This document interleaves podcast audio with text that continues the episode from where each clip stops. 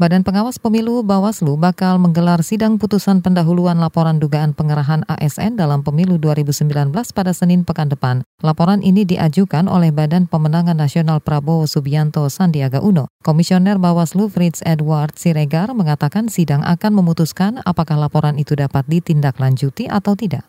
Karena TSM kan bisa berbagai sisi yang bisa bisa bagi lihat. Bisa dari segi ASN-nya bisa lagi dari mana politiknya bisa di, dari segi uh, hal yang lain. Jadi uh, semua itu menjadi bagian daripada uh, pelaporan terhadap eh, pelanggaran TSM. Sebelumnya, BPN Prabowo Sandi melaporkan dugaan pengerahan ASN untuk memenangkan paslon Joko Widodo Ma'ruf Amin. BPN mengklaim dugaan kecurangan itu berlangsung terstruktur, sistematis, dan masif. Atas klaim ini, BPN menuntut Jokowi Ma'ruf didiskualifikasi dari pemilu.